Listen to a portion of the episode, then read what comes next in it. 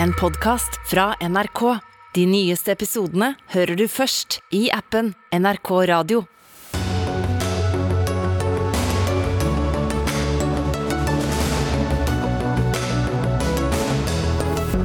Støre og Putin snakket i en time på telefonen i dag, men fører det noe sted? Det er langt fra sikkert, ifølge en Russland-forsker. Amerikansk etterretning hevder at Putin blir feilinformert av sine nærmeste rådgivere. Det, mener en ekspert, er det grunn til å være skeptisk til. Har lærernes lønnsutvikling vært bedre enn de selv sier? Det mener KS, som skal betale dem lønna. Men Utdanningsforbundet står på sitt. Lærerne har vært lønnstapere. Og EU vil gjøre kjøp og salg av tekstiler mer klimavennlig med en ny strategi. En tekstilforsker synes ikke den går til kjernen av problemet. Og det er blant dagens saker her i Dagsnytt 18 i studio Sigrid Solund. Hvor vi begynner sendinga med dagens mest omtalte telefonsamtale, nemlig den statsminister Jonas Gahr Støre hadde i en times tid med Russlands president Vladimir Putin. Statsministeren kunne ikke være med hos oss i kveld, men det kunne du, Thomas Bo Hornburg. Du er statssekretær for Støre. Hvorfor tok han dette initiativet, og hvordan gikk han og dere fram? Det er en samtale som eh, statsministeren ba om i forrige uke, og som kom i stand etter eh, politiske samtaler med ledere i Frankrike, Tyskland, Finland, som har direkte kontakt med Putin, og som alle er av den oppfatning at de som har en relasjon til Russland, en mulighet til å nå direkte inn til president Putin, bør bruke den muligheten. Eh, Bl.a. fordi vi er usikre på hvor mye informasjon Putin får hvor realistisk bilde av det som skjer på bakken i Ukraina han får. Eh, og Norge har en sånn relasjon. Vi deler grense, vi er nabo. Og da eh, føltes det som en plikt å bruke den muligheten, og derfor henvendelsen og møtet i dag. Snakket dere også om eh, nordområdene, om appellen fra Ukraina, om at vi ikke skal ta imot russiske skip osv.? Nei, temaet for denne samtalen var ikke det bilaterale forholdet mellom Norge og Russland. Eh, det ble kort eh, berørt, men, det var ikke tema. Temaet var krigen i Ukraina. Eh, en sterk appell til å stanse krigshandlingene, en klar fordømmelse av Russlands innovasjon. og også en appell om å nå sørge for å gjøre mer for å komme til unnsetning de menneskene som er fanget i ruinene i Maripol. Hvordan var det å være på tråden med det som vel for øyeblikk må være verdens mest forhatte mann? Altså, stemningen var eh, saklig, vil jeg si, og behersket. Eh, det ble likevel det var tydelige og skarpe fronter. Eh, det ble ikke lagt noe imellom i fordømmelsen av Russlands innovasjon. og Putin gjenga også i detalj den russiske versjonen av det, som jo kretser rundt overgrep og angrep på den russiske befolkningen i Donbass. Men, eh, men, jeg vil si at eh, tonen var saklig, ja. Mm. Men Hvordan forholder han seg da til beskjeden fra Støre om at her er det ukrainere som lider, og beskrivelsene av, eh, av framferden i Ukraina?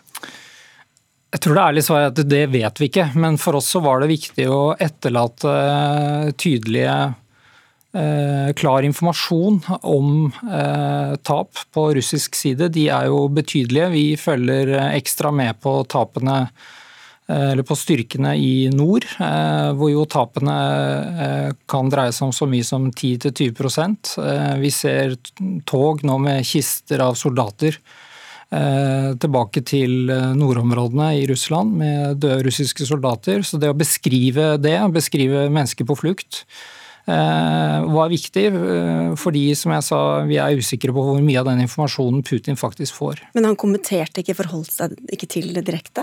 Når det gjelder tapene, så uh, sa han noe i retning av at krig medfører tap, men han gikk ikke inn i realitetene på det.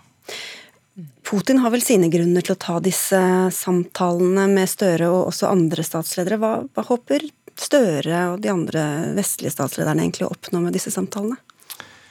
For oss var det viktig å eh, både bruke anledningen til som jeg sa, å formidle informasjon om krigens brutalitet, eh, etterlate den informasjonen hos eh, Putin, gitt den usikkerheten det er om hvilken informasjon han får.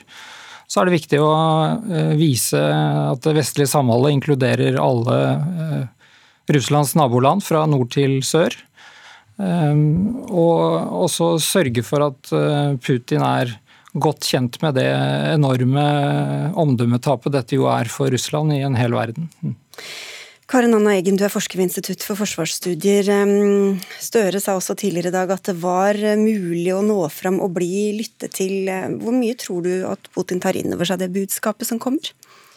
Jeg tror nok dessverre ikke han nødvendigvis lar seg overbevise eh, av det Jonas Gahr Støre eller andre vestlige ledere formidler til eh, til han. Eh, samtidig så er det jo, tenker jo det er jo en, en, en klok beslutning å prøve å gi den informasjonen som går an, gitt eh, de antakelsene om at det er, eh, muligens ikke er eh, alt av informasjon, i hvert fall som sendes oppover. Men om det overbeviser Putin om å legge ned våpen eller trekke ut styrker, det, det tviler jeg på.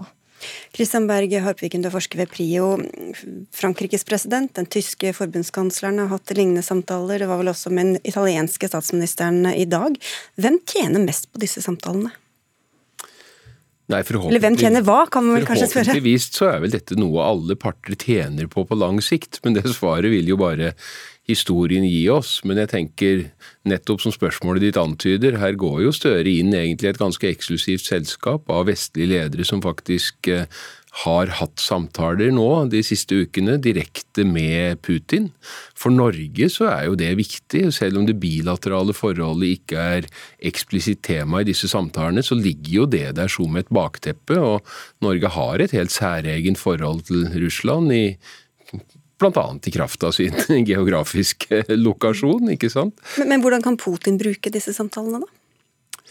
Putin kan bruke disse samtalene bl.a. Til, til å hevde egen status både på hjemmebade og internasjonalt. Det gir han jo en grad av legitimitet at eh, vestlige ledere vil Unnskyld, vil snakke med han. Det er uavvendelig. Jeg mener ikke det som en kritikk. Jeg mener at det er klokt å snakke med han, men, men den lille kostnaden, den, den, må man være villig til å ta. Mm. Um, Eggen eh, Støre brukte altså anledningen til å fordømme den russiske krigføringen i uh, Ukraina. Mm. Hvorfor fortsetter Putin, tror du, å, å ha disse samtalene? Jeg tenker Harpiken her har et veldig godt poeng. At det handler om uh, Putins status på hjemmebane. Han kan vise til at det her er uh, Han er en uh, viktig internasjonal aktør som vestlige ledere er interessert i å henvende seg til. Og så gir det jo han et, en mulighet til å for, til å snakke om det russiske budskapet, det russiske verdensbildet. Og vi ser jo i eh, Nå har jeg ikke lest alt som er skrevet i russiske medier om denne møtet, men det er jo veldig eh, tydelig vektlegging av eh, at de snakker om ikke sant? vi må løse den humanitære krisen, åpne humanitære korridorer, som jo òg er en måte å vri bildet av seg sjøl til en, part som ønsker å finne Være på en måte villig til å finne løsninger på denne konflikten. Så de har jo helt klart en, en eh, interesse i eh, å ha sånne samtaler, og bruke det til å fremstille eh, Russland eh, på et visst vis, da. Harpviken eh, Støre sa vel at det kunne komme flere samtaler også. Tror du at han kan få en slags meklerrolle etter hvert? Jeg tror det er langt fram til at Norge skal ha en meklerrolle. Og det er klart at Norge er på veldig mange måter også indirekte involvert i denne konflikten. Rett og slett fordi at eh, det ligger jo en overbygning her av konflikt mellom Vesten, Nato på den ene sida og Russland på den andre siden, selv om den direkte militære konflikten selvfølgelig er mellom eh, Ukraina og Russland, så ligger den overbygningen der. sånn at Norge er ikke umiddelbart godt posisjonert til å spille en meglerrolle, men samtidig så ser vi at de som har snakka direkte med eh, Putin nå, er, er ledere, statsledere fra andre vestlige land. Og noen av disse landene har jo til og med vært eksplisitt eh, invitert inn som en mulig Eh, garantis, i en mulig garantistrolle i forbindelse med en eh, fredsavtale som skulle føre fram til en, som skulle basere seg på en nøytralitetsstatus for eh, Ukraina. Så helt utenkelig er det ikke, men jeg tror det vil ligge et godt stykke fram i tid. Kan du høre, høre med deg når du sitter her, da, Holmburg, om det foreligger noen slike planer? Vil bare først si at Vi eh, gikk jo inn i de samtalene i dag med vil jeg si, veldig realistiske forventninger til hva som kunne komme ut av det. Det er en av flere samtaler som over tid kanskje kan bidra med noe informasjon som når fram til presidenten. men det vi jo nå har erfart, er jo at russerne først og fremst skal måles på det de gjør, og ikke det de sier. Så tror jeg eh, Berg Harpviken har helt rett i at i denne konflikten så er det svært sannsynlig at Norge får noe meklerrolle. Det finnes et etablert format for det. det at det ikke, ikke, er svært sannsynlig? Ikke er svært ja. sannsynlig. Uh, Norge dukker jo ikke for å ta vanskelige sånne oppdrag fra Afghanistan til Venezuela, men i denne konflikten er det et etablert format med Frankrike og Tyskland Eh, i førersetet, eh, og denne samtalen indikerer ikke noe annet. Dette med at eh, vestlige land ønsker å sikre seg at Putin får informasjon fra andre enn sine egne, har jo også et bakteppe. For vestlig etterretning sier jo at Putins nærmeste ikke våger å fortelle ham hvor dårlig krigen faktisk går, og hvor mange russiske soldater som er drept. Tror du de pynter på sannheten, Eggen? Jeg tror uh, de beskjedene som har kommet i det siste om at han får svært lite beskjed, tenker jo at han skal det er nok ikke sånn at han ikke er informert om noe som helst. Uh, han har nok et visst overblikk uh, over situasjonen. Og så tror jeg nok at fra bunn og opp så vannes nok det litt ut, og det pyntes nok litt på den sannheten. Uh, men jeg syns jo det, det, det, det, som ble nevnt fra pressekonferansen til Støre om at eh, Putin nå sjøl har sagt at i en militær konflikt så er tap eh, vanlig, er jo òg litt hva skal si, da. Eh, det viser jo litt hans syn på menneskeliv og hva, altså den betydninga at det ikke kanskje betyr så mye for han. Vi har jo sett det i krig, andre kriger, i Tsjetsjenia, i Syria, nå i Ukraina, i Georgia.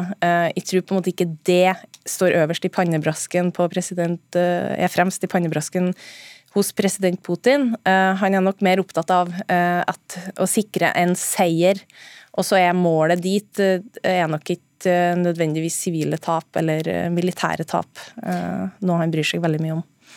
Det kommer jo også meldinger fra etterretning, Morten Jentoft, du er utenriksreporter i NRK og er i Ukraina, om at soldater i Ukraina overgir seg, at de nekter å adlyde, altså russiske soldater, at de deserterer. Er det noe tegn til at det faktisk skjer?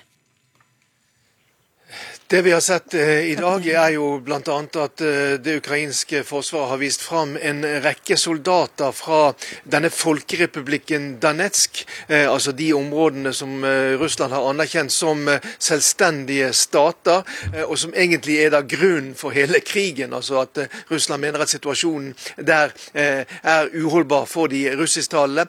Ukrainerne har vist fram en stor gruppe unge soldater som er vervet der inne i de områdene der. og det som da rett og slett bare har overgitt seg, eller nærmest desertert da, til de ukrainske styrkene, de forteller at eh, moralen er veldig lav blant deler av de russiske styrkene, ikke alle styrker.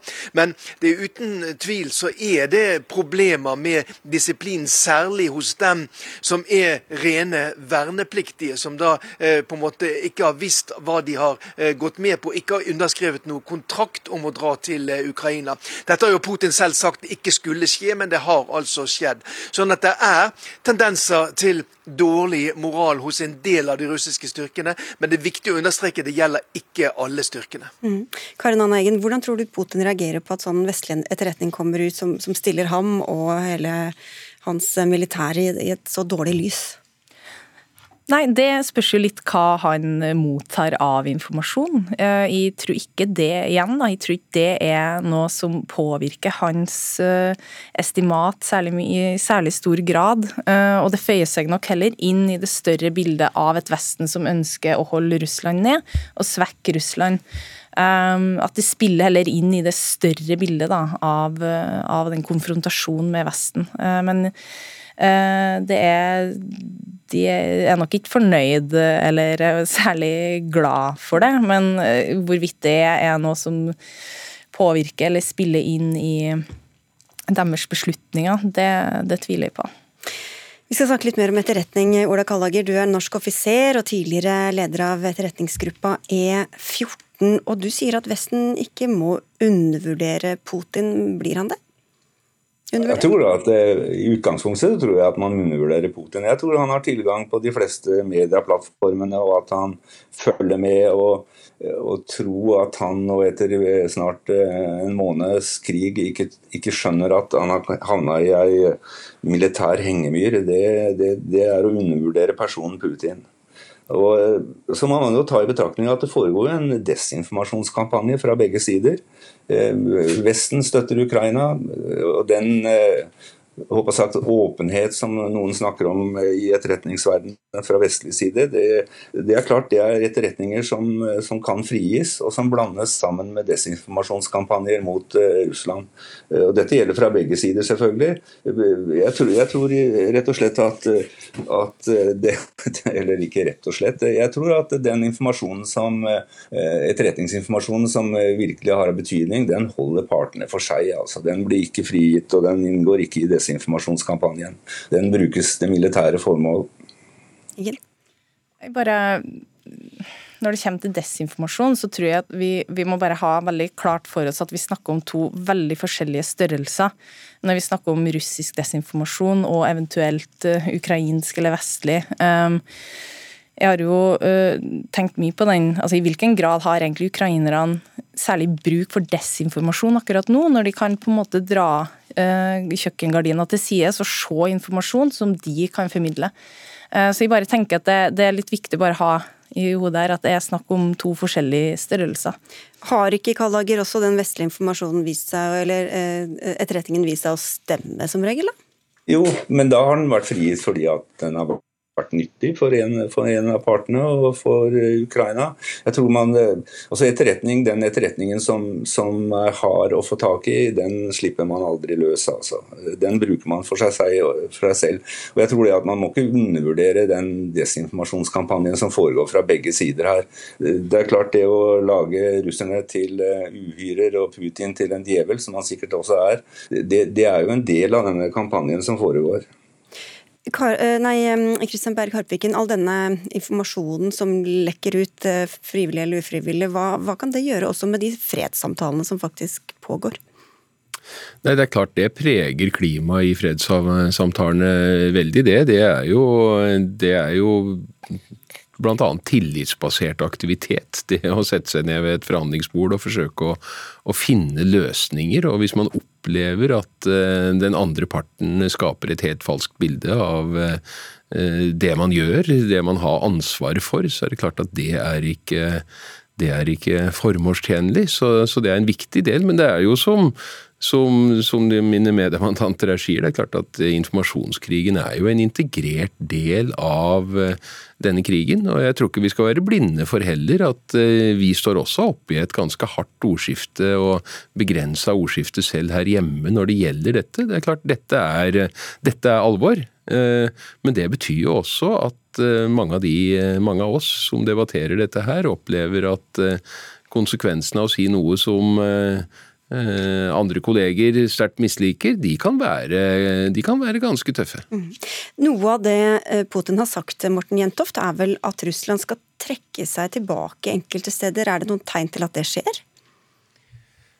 Ja, Det ukrainske forsvaret melder nå i ettermiddag at eh, de har observert at ca. 700 som de sier, enheter kjøretøyer har trukket seg unna fra områdene nord eh, for, eller rundt Kiev og Tsjernohiv nord i eh, Ukraina. og De bekrefter også de opplysningene som, eh, som amerikansk etterretning kom med i går kveld, at man er i ferd med å trekke seg unna da, dette i praksis nedlagte atomkraftverket rundt Tsjernobyl, som jo ingen strategisk betydning har akkurat nå.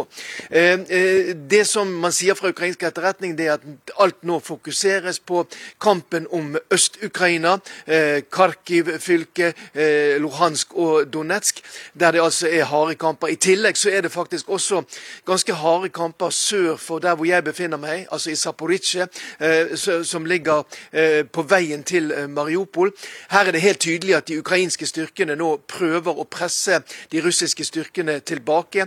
Dette fører igjen da til lidelser for sivilbefolkningen. Bare et par timer før jeg kom hit, så snakket jeg med, med flyktninger som har levd med skyting eh, dramatikk de siste dagene. Det kan dere se mer om i, i Dagsrevyen litt seinere. Sånn at det er tydelig at fokuset på konflikten, den militære her i Ukraina, den er i ferd med å flyttes fra områdene rundt Kiev til Øst-Ukraina. Mm. Og vi hører jo stadig Karin Anna Eggen, også om ydmykelser i det russiske krigføringen. Morten Jentoft nevnte dårlig kampmoral, men vi hører ikke så mye om ukrainske dårlig kampmoral eller nederlag. Hvorfor ikke, tror du? Jeg tenker at det er litt som bare er betegnende for mye av denne krigen, så er det det, det er råder mye usikkerhet. Både knytta til eh, hva russerne tenker å gjøre, og eh, jeg tror nok ukrainerne har også et behov for å helt klart kontrollere narrativet og fortellinga. Og en viktig del av det handler jo om å altså holde opp kampmoralen og vise det at vi klarer å slå tilbake russerne Eh, både her og der. Og bare en veldig kjapp kommentar på dette det uh, Morten Jentoft nettopp sa. Så jeg tenker jo at ja, russerne fokuserer kanskje mer av angrepene sine i, i øst og delvis sør, men de kommer til å ha styrker stående ved Kyiv, og jeg vil ikke avfeie den muligheten for at hvis de får, hvis de får muligheter, så vil de nok forsøke seg på offensiva der igjen òg. Det får bli siste ord eh, akkurat i denne runden. Vi skal høre litt seinere i Dagsnytt 18 om landene som fortsatt faktisk er eh, venner med Russland, eller i hvert fall ikke har vendt dem ryggen. Og så sier vi tusen takk eh, til dere, Karen Anna Eggen ved Institutt for forsvarsstudier, Morten Jentoft, som også er vår egen utenriksreporter, Ola Kaldager, tidligere leder av etterretningsgruppa E14. Thomas Bo Hornburg, som er statssekretær ved Statsministerens kontor, og Christian Berg Harpviken, forsker ved PRIO.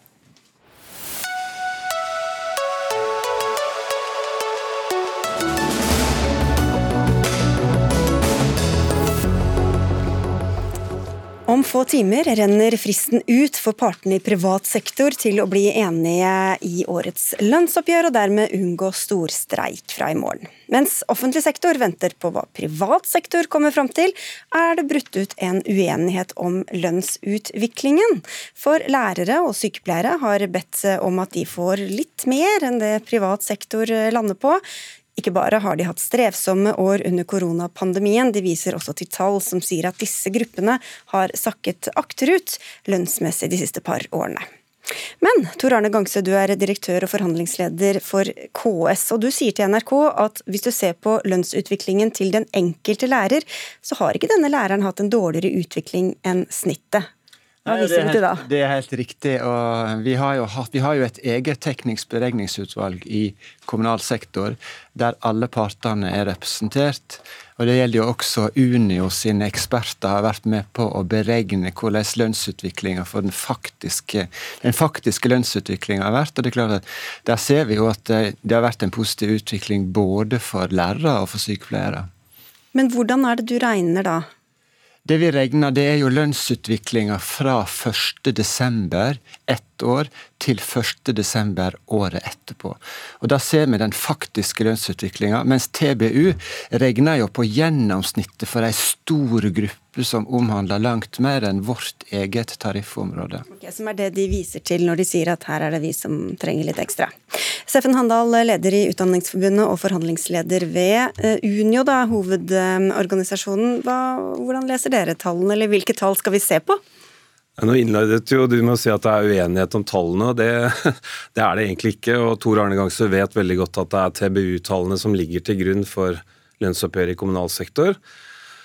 Og det er smått absurd altså, å våkne opp og liksom, eh, se at Tor Arne Gangsø prøver å bortforklare lønnsutviklingen til f.eks. lærerne, som i løpet av de 15 siste årene har hatt en uh, dårlig lønnsutvikling. Ja, det, er vel på nesten 15 prosentpoeng de siste åra. Uh, og hvis du tar de siste to årene, så, um, ja, så er det også et etterslep. Og hvis du ser på de siste fem årene, så er det et etterslep. Så uansett hvordan du måler dette på TBI, TBU-tallene, så kommer lærerne dårlig ut. Og det jeg, jeg skjønner ikke hva Tor Arne Gangse vil med dette. Altså, jeg tror han vil ikke gi dere så mye lønnsøkning. ja, sannsynligvis, men jeg, jeg syns det er veldig uheldig sånn én uke før forhandlingsstart å begynne å trikse og mikse med tallene. Eh, Tor Arne Gangse vet veldig godt at de tallene som han viser til, de kan man vise fram på ulike måter, og det er stor usikkerhet rundt dem. Det vet han veldig godt. Så når han gjør dette, så er det en forsøk på en finte, og det er ganske rart rett før forhandlingsoppstart. Ja, hvorfor skal vi se bort ifra de tallene som Handal viser til? Jeg synes det er ganske alvorlig når Steffen Handal gir uttrykk for at dette er triksing og miksing. Dette er jo sånn at eh, vi, Det er jo Steffen Handal sine egne eksperter som er med på å lage disse spesifikke beregningene på hva de enkelte yrkesgruppene i vår sektor har hatt av lønnsutvikling. Og, og som jeg sa, dette, dette, disse regnestykkene er offentlig tilgjengelige, de er nettopp lagt fram. Prøv å forklare for deg litt sånn hva som er de forskjellige forkortelsene og hvilke tall og sånn. Det er kanskje litt vanskelig å følge med på. Hvordan er det, hva er det du legger inn i de tallene som du mener er det mest vesentlige å se på? Vi har sett på lønnsutvikling, den faktiske lønnsutviklinga f.eks. For, for en adjunkt eller for grupper adjunkter i vår sektor, og ser på lønnsutviklinga fra 1.1 ett år til 1.1 ett året etterpå. og Da får du den faktiske lønnsutviklinga. Sånn at man ikke skal se på f.eks. hvordan de ufaglærte lærerne har trukket statistikken ned, da?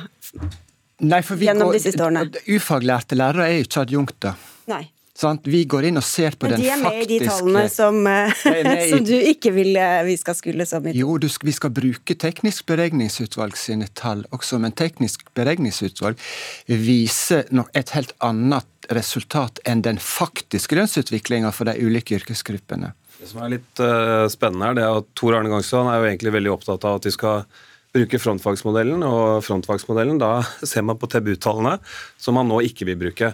Og så synes jeg at altså, Tor Arne Gangse burde bekymre seg for en ting. For en ansatt i industrien med tilsvarende utdanning som en lærer tjener altså 918 000 kroner i gjennomsnitt. Mens en lærer tjener 655 000. Det er ganske mye lavere, Tor Arne. Så poenget mitt er at vi skal jo jakte på den samme kompetansen både i privat og offentlig sektor. Og lærernes lønnsutvikling de siste 15 årene har vært veldig dårlig. Og det må partene ta et ansvar for, også du. Og når du forsøker å liksom måle disse tallene ned på individnivå, eller finne andre årsaker til å bortforklare de faktiske forhold, så syns jeg det er veldig rart. Og du vet at det der å måle som personer fra dato til dato, det er egentlig en måte som man ikke legger til grunn for lønnsoppgjørene. For det man må se på vel Gangso, er vel hvordan skal man skaffe det som de gruppene er opptatt av. Hvordan skal man skaffe riktig nok lærere, nok sykepleiere til kommunene, og hva slags lønn mener du da de skal ha? Det er jo kanskje den største utfordringa, og det er jo den vi må være opptatt av å se framover på hvordan vi skal klare å rekruttere riktig kompetanse til de store oppgavene som kommunal sektor står overfor. Og Der jobber vi godt med alle partene i arbeidslivet. Jo, jo, hva slags lønn tror du skal til for å tiltrekke seg den kompetansen? For det første så er det jo sånn at vi må jo sørge for at vi har en konkurransedyktig lønn, og derfor så er jo vi opptatt av at offentlige ansatte skal ha en lønnsutvikling som harmonerer med private ansatte. Det gjelder jo alle oss som sitter rundt dette bordet her, er jo avhengig av at uh, offentlig sektor har en lønnsutvikling som ligner den på den private. Og Det er derfor vi er opptatt av Ligner den på den private når det er de gapene som Handal var inne på da? Eh, vi har hatt en koordinert lønnsdannelse i Norge i mange mange år, i motsetning til ekstremt mange andre land i den Men hvis, vestlige verden. Hvis du starter lavere, og så får du prosentvis eh, da, blir, da da drar jo de andre fra etter hvert, da. Vi, vi, følger ganske nøye med på lønnsutviklinga mellom offentlig og privat sektor. Jeg er jo selvfølgelig opptatt av at kommunal sektor, på samme måten som staten, skal ha en konkurransedyktig lønn i forhold til privat sektor. Det, det som er skummelt med dette, det er at frontfagsmodellen fungerer veldig bra for norsk økonomi. Det, har... det, er den som sier at privat sektor går ja. først, og legger rammen for hva alle andre skal få. Ikke sant? Da, da får vi en lønnsdannelse som er koordinert, og det er bra. Det som er problemet, det er når sånn som Tor Arne Gangse begynner å liksom bortforklare hvordan lønnsutviklingen er for enkeltgrupper. For hvis det er noen grupper, og store, men altså lærergruppa er kjempesvær i kommunal sektor, hvis de henger etter sånn som dette, så vil vi miste muligheten til å rekruttere og beholde lærere. Og jeg jeg, jeg, lurer liksom på, Bestrider du at lærerne har hatt en dårlig lønnsutvikling de siste 15 årene? Tor Arne Vi har aldri bestridd at lærerne hadde en relativt dårligere lønnsutvikling enn andre i fjor. De siste to årene, da? De, de siste to årene, Du kjenner veldig godt til tallmaterialet. I fjor så er det ikke vanskelig å forklare hvorfor lærere og, og, og noen av dine grupper kom dårligere ut. Bare for å få ta det. Når man velger å gå ut i streik, så får man effekten av altså, eh, eh, Da får man virkninger langt senere enn andre. Det er helt riktig. Vi, og, vi ser, og vi ser at sykepleierne gjorde det veldig godt i de lokale forhandlingene. Det er helt riktig at streiken rammer eh, de som streiker, men det forklarer ikke den mindrelønnsutviklingen som var i fjor, ikke i forfjor, og ikke på lang sikt. Men så drøyt 600 000, er det så veldig dårlig lønn, det da? Ja, hvis du tar eh, fire års utdanning eller mer, eh, og står der og lurer på hm, hvor skal jeg jobbe hen? Da bør du være konkurransedyktig. Ja, men du kan ikke enten gå til å bli ingeniør eller lærer etter at du er ferdig Nei, med utdannelsen? det finnes faktisk 47 000 lærere i dette landet som jobber i andre yrker eh, enn i skoleverket. Så de finner seg andre jobber. Og, og tenk deg, vi, vi, mangler yrkesfaglærere. Mange av dem kommer jo fra industrien. Vi må lokke dem inn i skoleverket for å klare å lage gode fagarbeidere for framtida. De folka der, de, altså de, de må ned 260 000 i lønn for å jobbe i skoleverket. Det er jo helt uhørt. Disse problemstillingene sitter jo ordførere og kommunedirektører rundt omkring i Norge og kjenner på kroppen hver eneste dag og håndterer på en fortreffelig måte. Og dere skal møtes om dette og diskutere dette veldig mye mer inngående i dagene og ukene som kommer. Cecilie Langen Becker, økonomikommentator her i NRK. Hvorfor ser de på så forskjellige tall her? Nei, det, Dette er jo litt sånn der lønnsforhandlinger. Da. Det er jo litt sånn kamp om virkelighetsbildet. Eh, men så er det jo helt rett at, at man tar jo først og fremst utgangspunkt i disse TBU-tallene som har snakket mye om, som, som, kanskje folk ikke har så veldig eh, nært forhold til. Men det er på en måte det man, man er enig om at disse tallene her, dette er vi enige om, og så begynner man forhandlingene. Eh, og, og det, altså, det de var enige om på forhånd, det var jo at undervisningspersonell, altså hele den posten, hadde en lønnsvekst på 2,3% i fjor. Men hvis du da tar ut de ufaglærte av den posten og bare se på, som, som som er på de adjunktene, det er altså da lærere med fire års utdanning, så ser lønnsutviklingen da litt annerledes ut, og da er det da bedre. Sånn at uh, Dette handler om liksom hvordan ser man på tallene, hvordan, hvordan eh, leser man statistikken, uh, hvordan måler man, sånn at begge har jo på en måte rett. Og så er det vel det han da også kanskje reagerer litt på, det er litt timingen, at dette er litt sånn at, at han opplever det som liksom posisjonering da, når de nå skal sette i gang nå på onsdag. Debattanten er ikke ferdig å debattere, men dere må hvile. Det er ikke noe vits med de pekefingrene opp nå. Men nå kommer jo den eh, meklingsfristen. Den går ut om bare noen få timer. Hvor viktig blir det som de kommer fram til for alle, alle andre, også i offentlig sektor?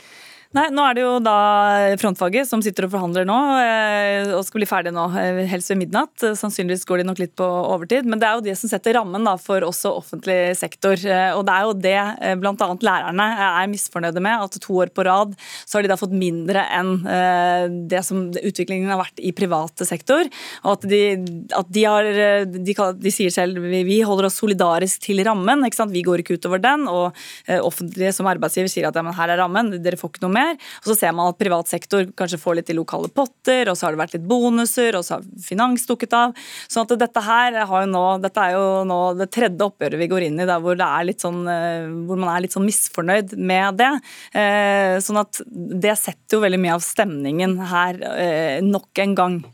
Og så er det jo eh, mange priser som er gått opp, og høye forventninger på den ene sida. Og hvor eh, harde kamper tror du de er inne i akkurat nå?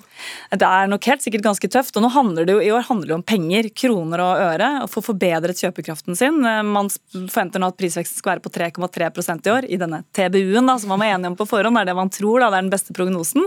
Og da må man komme et godt stykke over 3,3 for at man skal få da økt kjøpekraft. Så Det er vel det sannsynligvis vi sitter og diskuterer eh, nå. og Så får vi da fasiten sannsynligvis en eller annen gang på formiddagen i morgen, eh, hvis de da blir enige. Ikke sant, for de pleier jo sjelden å holde seg til fristen.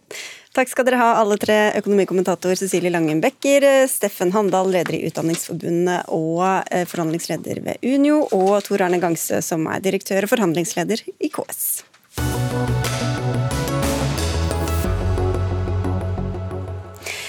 Den internasjonale fordømmingen av Russlands invasjon av Ukraina har, som vi har vært inne på tidligere i sendinga, vært formidabel. Men det er en del land som fortsatt sitter på gjerdet.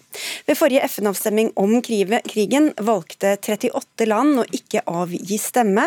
Blant dem var store land som Kina, India og Pakistan. Men også en del land i Latin-Amerika. Benedicte Bull, professor ved Senter for utvikling og miljø ved Universitetet i Oslo. Hvem er eh, Russlands venner der? Ja, De har noen sånne kjernevenner. Eh, Venezuela, Cuba og Nicaragua, som er veldig nære allierte av eh, Russland. Både fordi de kjøper våpen og har fått investeringer, og fordi de er liksom allierte i en kamp for en verdensorden som ikke er dominert av USA. Og så har de også fått lille El Salvador med en mer sånn opportunistisk og populistisk høyreorientert president som, eh, som venn. Og så har de noen store, altså de store landene, eh, Brasil og Mexico har vel vært ja, skal vi si, ganske pragmatiske og av og til også litt opportunistiske. Altså De har fordømt på offisielt nivå dette her, eh, og de stemte jo også eh, mot Russland i FN. Men begge presidentene har kommet med veldig ulne erklæringer. De vil ikke følge opp sanksjoner og en rekke andre ting. Så litt realpolitikk og litt ideologi? Ja, mye pragmatisme, tror jeg egentlig jeg vil si. Henning Christoffersen, du er spesialrådgiver i The Governance Group og forsker ved Universitetet i Oslo. Det er også andre land i andre verdensdeler som sitter på gjerdet. Hvorfor gjør de det, tror du? Det er jo også store land som, som gjør det.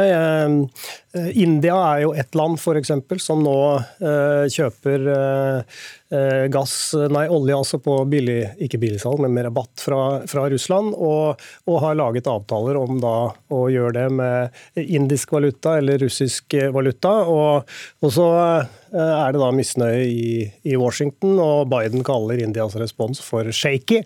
Og USA ønsker også et større engasjement fra andre utviklingsland, som du sier sitter eh, på gjerdet. Og, jeg tenker at eh, det er veldig krevende å, eh, ha sanksjoner mot Russland i utgangspunktet, et land som er selvforsynt med energi og eh, mat. Men i tillegg så er det alltid mest krevende for de fattigste landene, som da får eh, for det første Og dette er jo Putins krig som, som gjør at de får først høye matvarepriser. Og så sanksjonene bidrar også til høye olje- og energipriser. Så for, for Vesten og for USA så er det en krevende posisjon å på den ene siden fortsette, eh, som Europa gjør, da, å kjøpe gass fra, eh, fra Russland, mens man eh, da skal bruke liksom pekefinger overfor India f.eks., som gjør det de føler de, de må. Så, så, så, mitt poeng er vel at fase én i sanksjonene de eh, har vært en dundrende suksess. Og, og vi må selvsagt eh, sanksjonere Russland, men fase to avhenger også av at Vesten har en strategi i forhold til de eh, fattigste landene, som eh, kanskje da må betale den høyeste prisen. Eh, Hva med afrikanske land? Det er jo i hvert fall altså i forhold til altså Det FN oppgir, er at det er i hvert fall en 25 afrikanske land som er mer eller mindre avhengig av eh, korn og matprodukter fra Ukraina og Russland. Og Mange av de landene er også eh, importører av olje og, mm, og gass. og Derfor så, så, er det klart at mange av de, det er forståelig at de sitter på gjerdet og ser hvordan disse sanksjonene vil utvikle seg fremover. Du har jo vært her tidligere og diskutert eh, sanksjoner, Benedicte Bull, og sammenlignet bl.a. med Venezuela. Hva viser forskningen om hvordan sanksjoner går utover tredjepart? Det kommer jo selvfølgelig helt an på hvilke land som blir, eh, som blir, sanksjonert. Så de sanksjonene jeg har sett på i forhold til Venezuela, har jo ganske liten grad gått utover tredjepart. Det er vel først og fremst eh, Tredjeparten det er vel først og fremst Cuba, eh, som har vært veldig avhengig av Venezuela. Og når Venezuela kollapsa, så kollapsa også Cuba.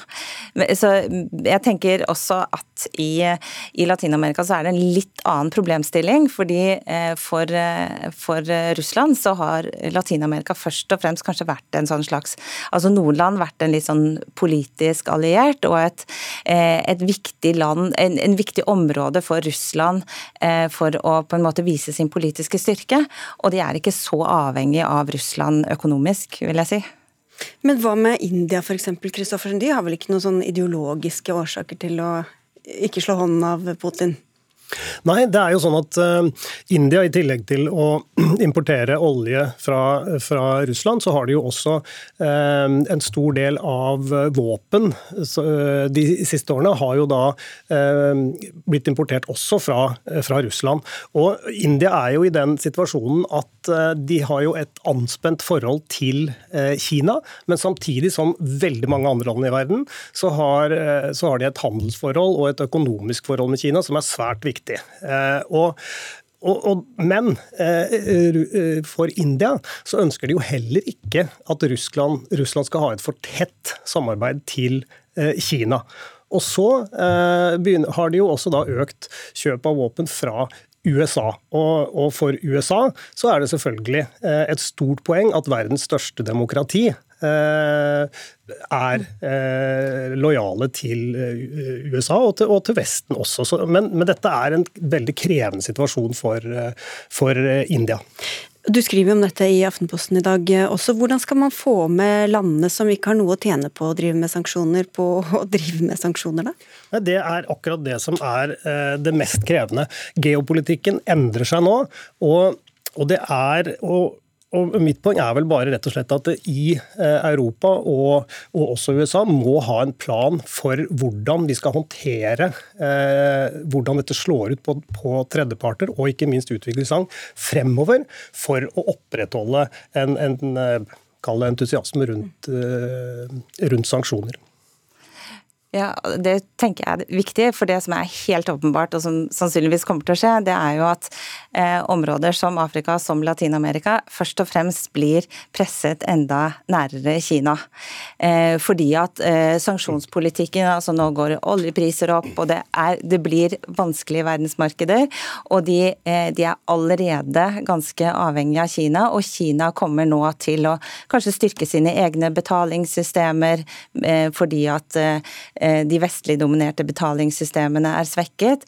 Og, og, du ser egentlig allerede at det er en sånn eh, altså Land som Nå er ikke de fleste landene i Latin-Amerika er ikke verdens fattigste land, men de er ganske sårbare land. Og de er avhengig av at, at globale systemer fungerer. Og så har man på en måte satt de til side ved et pennestrøk pga. en geopolitisk situasjon, og da ser de andre veier. Og det tror jeg eh, kan bli et resultat resultatet av dette her, at, at sånn som Latin-Amerika blir enda nærmere nærere presset mot Kina. Vi skal takke dere, men før det, Henning Kristoffersen, det er bekreftet toppmøte mellom EU og Kina i morgen. Hva skal vi følge med på der? Ja, det EU eh, e eh, vil nok veldig gjerne påpeke overfor Kina at Kina gjør det de kan for å stagge Putin. Og, og Kina er ikke veldig entusiastiske overfor det Putin gjør nå om dagen, men Kina vil likevel aldri kaste Putin under bussen, for å si det på, på, godt norsk. Men det er heller ingen entusiasme eh, i Beijing for det prosjektet som Putin holder på med nå. Så Samtidig så, så går eh, Beijing til dette møtet eh, vel vitende om at Eh, i 2020 så gikk Kina forbi eh, USA og ble eh, Europas eller EUs viktigste handelspartner. Så for EU så er det viktig å balansere Kina som en systemisk rival som EU e har kalt Kina siden 2019, og det faktum at Kina er den største handelspartneren for EU. Det skjer i morgen, altså. Takk skal dere ha, Henning Christoffersen, forsker ved Universitetet i Oslo og spesialrådgiver ved The Governance Group, og Bendikte Bull, professor ved Senter for utvikling og miljø ved Universitetet i Oslo.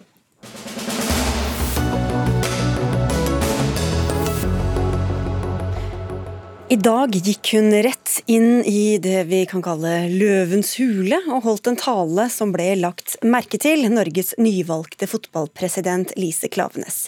Hun holdt appell på Det internasjonale fotballforbundets kongress i Doha i Qatar, med Fotball-Norge i ryggen tok Klavenes et kraftig oppgjør med Fifa og det faktum at de gikk inn for Qatar som vertsnasjon for fotball-VM. Sportskommentator her i NRK, Jan Petter Saltvedt, hvordan vil du beskrive den eh, nye fotballpresidentens opptreden i dag? Ekstremt modig, mest eh, av eh, alt. Hun gikk ikke inn bare i løvens hule, det var til de grader løvenes hule.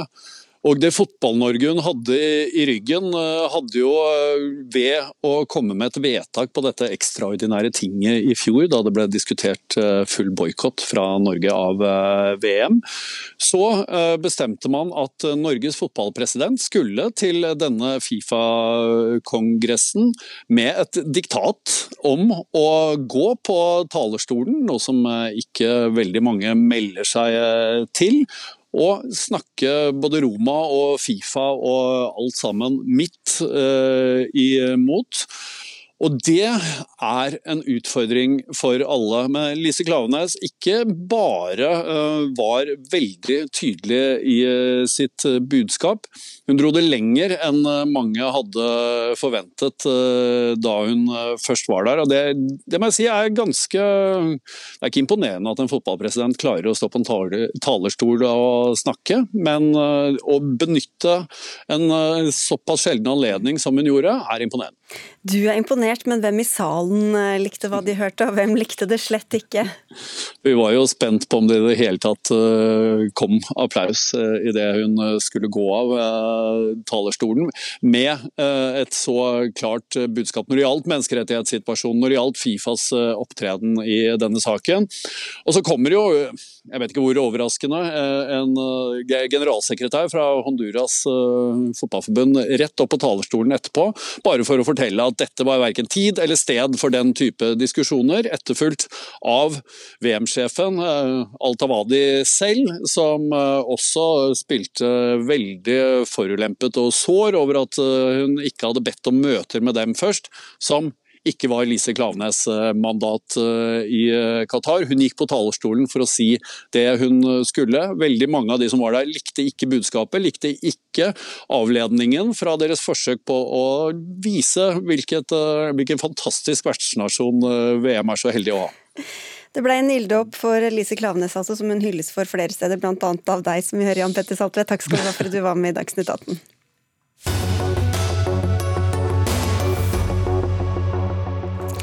Et salg, en fest vi gleder oss til, en belønning eller en tur. Det kommer jo alltid anledninger til å unne oss selv nye klesplagg. Imens vokser søppelbergene av klær som knapt eller aldri er blitt brukt, samtidig som klesbransjen produserer og produserer. Men hvem skal ta ansvar? Jeg lurer på om vi mangler en person her som skulle vært her. vi får vente på den eh, personen, skal vi se. Men vi går til en fersk strategi, hvor EU-kommisjonen strammer på kravene for klær og andre tekstilvarer. Utvidet produsentansvar og krav til at klærne skal repareres, resirkuleres og holde lenger, er noen av eh, tiltakene.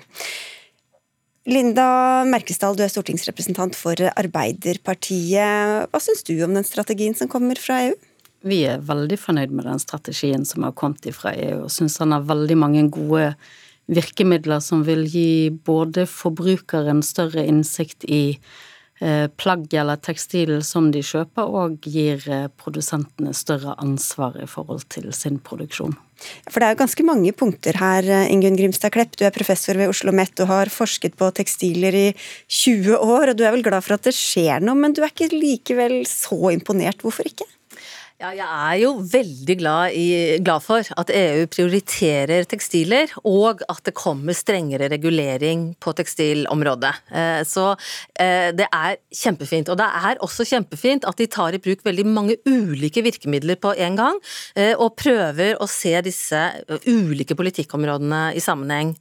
Det vi som jobber med klær og miljø ofte ser, er at det feiler i detaljene. Altså at det er overskriftene er vi alle enige om om, men når det kommer til utforming av dem, eh, så feiler det. Eh, og så feiler det også på den måten at det stilles ikke klare mål på det aller viktigste, nemlig hvor mye skal det reduseres, og, hvordan, og hvor mye skal plasten reduseres. Og så mangler det alle positive tiltak. Ikke et ord om eh, lokal produksjon, ikke et ord om å ta bedre vare på ressursene i Europa, eh, og alle de fantastiske mulighetene som ligger i klær og tekstiler. Mm. Likevel er du også begeistret, Mathilde Tybring-Gjedde. Du sitter på Stortinget for Høyre. Hvorfor det? Jeg mener jo at det er mange gode punkter i denne strategien som vil gjøre noe med fast fashion, de enorme mengdene med klær som produseres av billige syntetiske materialer, som flommer over grensene. Og Jeg kan ta noen eksempler på hva jeg synes er bra. Da. Det ene er at man stiller krav til økodesign. altså Krav til hvordan vi designer klærne våre at de skal holde lenger, at de skal kunne repareres og gjenbrukes. En minimumskrav til de klærne som kommer inn på det europeiske markedet. Og det andre som er bra, er jo at de vil innføre et produsentansvar. Det har Høyre foreslått i Norge. Nå blir det et krav i alle land nemlig at produsentene må ta deler av regninga for å håndtere klærne. Eh, I tillegg til at de som forurenser mest, må betale mest. Det kan man utforme. Eh, og så vil jeg si Det siste som er bra, er jo at de slår ned på grønnvasking. Altså Du kan ikke kalle ting liksom økovennlig og grønt når det ikke er det. Men Klepp, det som du er opptatt av, er altså dette omfanget. At det gjør ingenting med mengden klær og tekstiler som produseres? Mm, ja, altså på et overordnet nivå så er det jo flott at f.eks. fast fashion nevnes, og også denne plastifiseringen av klær eh, nevnes. Eh, men Eh, derifra til eh, å se på hvordan virkemidlene skal virke på de store problemene. Der ligger utfordringen. Eh, og så er jeg helt enig med Mathilde her i at produsentansvar er superduper, i særdeleshet hvis det utformes på rette måten. Og når det gjelder designdirektivet, så ser vi av erfaring, altså av utviklingen av Product Environmental Footprint, som er et av de virkemidlene som har kommet lengst da, i EU på dette området, at når det gjelder tekstiler, så er det veldig vanskelig å stille eh, krav, eh, og at man kanskje heller burde se på hvordan produktene faktisk blir brukt, og hvilke produkter som ikke brukes, og heller gå den andre veien inn, altså ikke regulere så mye utformingen av produktene, men å se på hva som blir avfall, hva som ikke brukes. Vi skal få med bransjen her også, Tor Dale. Du er sjef for bærekraft i Virke, som altså representerer handels- og tjenestenæringen i Norge, da riktignok eh, ikke i hele Europa. Men dere kom også med et, et annet forslag før denne strategien. Bare fortell om det først. Nei, vi, eh, når vi så den norske debatten om et produsentansvar, så var vi opptatt av at hvis vi skal gå foran EU og lage et eget regelverk i Norge, så er det viktig at vi også eh, legger til rette for et regelverk som inkluderer forskning og innovasjon. Eh, altså det som Ingunn Klepp driver med, for så vidt. At vi driver med forbrukeropplysning. Skal vi få ned forbruket, må vi også få med forbruker. Eh, men så kom EU med et regelverk som kanskje gikk lenger enn da vi hadde Ikke bare kanskje, vel? Ja, helt sikkert gikk mye lenger enn da vi hadde forventa oss. Så da kunne vi liksom kanskje legge vårt forslag til side. For det er jo sånn, Sverige har jo sett på produsentansvar. Brukt et år på utredere, brukt to år på å diskutere. Så kom det i Riksdagen, så ble det stemt ned. Så det er veldig dumt hvis vi skulle gjort samme runden i Norge, men nå kan vi lene oss litt tilbake og se hva, hva, EU kommer med. Ja, For dere er positive til det som kommer fra EU? Jeg tror veldig mange i tekstilbransjen i dag kjente på litt sånn følelse av å gruglede seg og en liten lettelse, fordi nå vet man at det blir et felles europeisk regelverk, og at vi i Norge konkurrerer på samme vilkår som selskap i Tyskland, Portugal og andre lavkostnadsland, og det er det viktigste for oss. Dere skal få slippe til oss, men bare høre med deg, Merkesdal, som tross alt representerer et eh, regjeringsparti. Betyr det at vi også i Norge vil innføre disse reglene? Definitivt. Dette blir jo regjeringen sitt eh, arbeidsverktøy. Og skal eh, sette det ut i livet til å passe inn i norske forhold. Så forbrukere i Norge eh, kommer òg til å få muligheten til å benytte seg av de virkemidlene som ligger i, i denne strategien, men ikke minst produsentene kommer jo òg til å måtte ta det ansvaret. For i dag så har jo vi en overproduksjon. Varene blir jo brent istedenfor og i dette, eh, i dette mm, forslaget fra, i denne strategien, så er, må faktisk eh, produsentene dokumentere hva de, hva de faktisk kaster av varene sine. Mm. Klepp.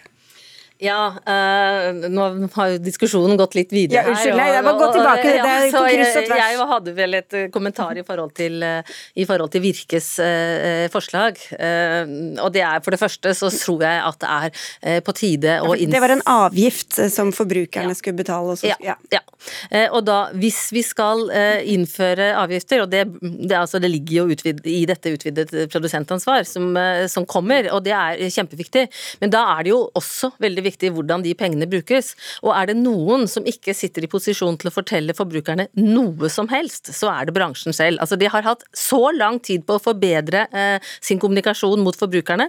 Nå er det på tide at de setter seg ned og begynner å lære litt om hva forbrukerne driver med, eh, og oppdatere sin egen kunnskap, og ikke tror at de skal begynne å fortelle forbrukerne noe som helst. De har ikke legitimitet, og de grønnvasker så det suser. Og det er jo nesten ikke ett sant ord av det som står eh, i, i omtale av klær og tekstiler. Så her, er det, her, må, man, her må dere bare roe dere ned litt. Og så pengene Det er vanskelig å roe seg når man ikke får ordet, men man kan Og pengene, de må styres av noe annet enn bransjen selv. Altså, vi har så mye eh, falske eh, påstander i dette området, og det kommer bl.a. av at vi ikke har uavhengig forskning, men veldig mye som er styrt av bransjen. Ok, Da skal Tor Dahl også få ordet. Nei, altså vi, vi, har aldri sagt at det er bransjen som skal stå for forbrukeropplysning eller forbrukerarbeid, eller for forskningen. For den del, jeg viste til Klepp at det kan gå til den type forskning hun driver med. Eh, sånn at det, det, det, har aldri vært et premiss i det vi har sagt eller kommunisert. Nei, men også snakker dere om grønnvasking, og det kan jo være at man kjøper et plagg som har 5% resirkulerte materialer eller et eller annet sånt men så er det store problemet er jo overproduksjon. At man bare kjøper og kjøper og kjøper.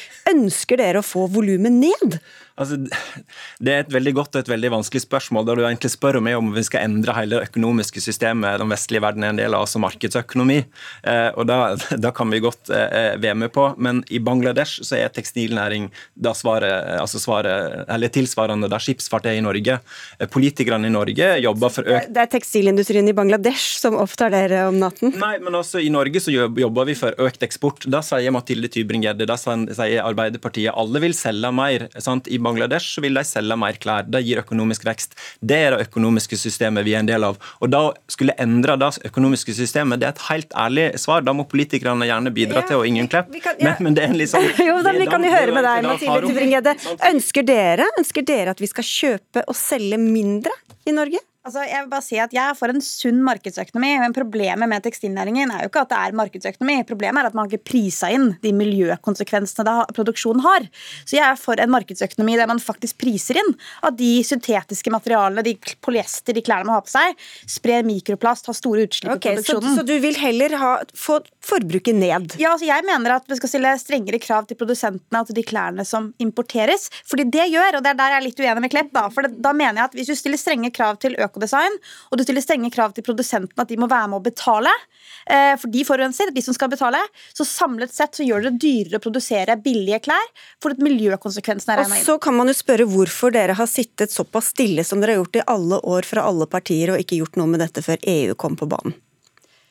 Ja, nå spør jeg deg. Da ser du på meg. Ja, så eh, Det er jo um, um, Nå har jo Høyre sittet med makten i åtte år og har gjort lite, og vi var jo inne og ønsket at vi skulle få i gang i forhold til den avfallsmeldingen som kom i 2018, men den ble jo nedstemt i Stortinget. Vi, vi har dette i vår plattform, i vår regjeringsplattform, og vi skal gå ifra bruk og kast eh, til eh, mm. gjenbruk. Og ikke minst så gjelder ikke dette bare i tekstilbransjen, det gjelder med elektriske produkter, møbler, det gjelder hus og bygg. Så, vi må så nå, nå, har alle våkna, mm. virker det som. da. Men Klepp, hva kan, hva kan bransjen gjøre sjøl uten å vente på EU, f.eks.? Mm, ja, altså jeg syns jo at bransjen skal slutte å lyve, jeg. Ja. Altså jeg syns at det å snakke sant er en verdi. Så jeg syns at det å rydde opp i egne rekker og begynne å snakke sant, at det er en, en, et om veldig Om hva? Nei, om alt. Altså eh, alt, all. Altså Altså absolutt alt. Eh, så det å, å slutte å lyve, det er punkt én, tenker jeg. Det er et veldig viktig arbeid. Eh, og så syns jeg at det skal gis bedre informasjon om produktene eh, til forbrukerne, om bruksegenskapene særlig. Og så syns jeg de skal jobbe masse med garantiordninger, altså utvide garantiordninger. Det er masse som bransjen kan, kan gjøre. Jeg har veldig tro på bransjen, altså jeg har det, men jeg må jo få lov å, å, å si Den, den man elsker, tukter man, kan det ja, høres ut som. Jeg vil få høre med Tor Dale, skal dere slutte å lyve da, for å spille den ballen videre? Eh, altså, ja, og Da savner jeg jo litt konkrete eksempel eh, her, for det er litt vanskelig å, å ta tak i sånn generelle påstander. Men det er jo klart det er viktig for et selskap hvis de begynner med eh, innblanding av resirkulerte tekstil, og får lov til å fortelle forbrukeren om det. Og det er også viktig for at forbrukeren skal kunne ta litt opplyste valg. Selv om det f.eks. krever mer energi enn det, enn det, det gjør å lage Jo, og da vil jo liksom varene bli, bli kanskje kosta litt mer. Eller så, eh, etter hvert som man får på plass ny teknologi, så vil også kanskje prisen bli lavere. Men bransjen er jo først og fremst letta for at man nå lager et regelverk som skal gjelde for alle.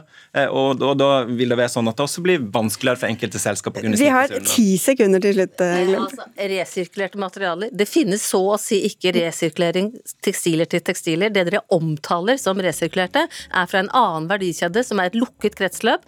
Til med EU-strategien omtaler ikke det som resirkulering. Okay. Dere, dette kunne vi holdt på med i mange timer, men nå er det sendinga over. Tusen takk skal dere ha for at dere kom alle fire. Jeg rekker ikke å si hva dere heter engang, jeg får bare si hva vi heter. Og det er Odd Nytrøen, Helge Svensson og Sigrid Solund. Og i morgen er det Espen Aas som er tilbake.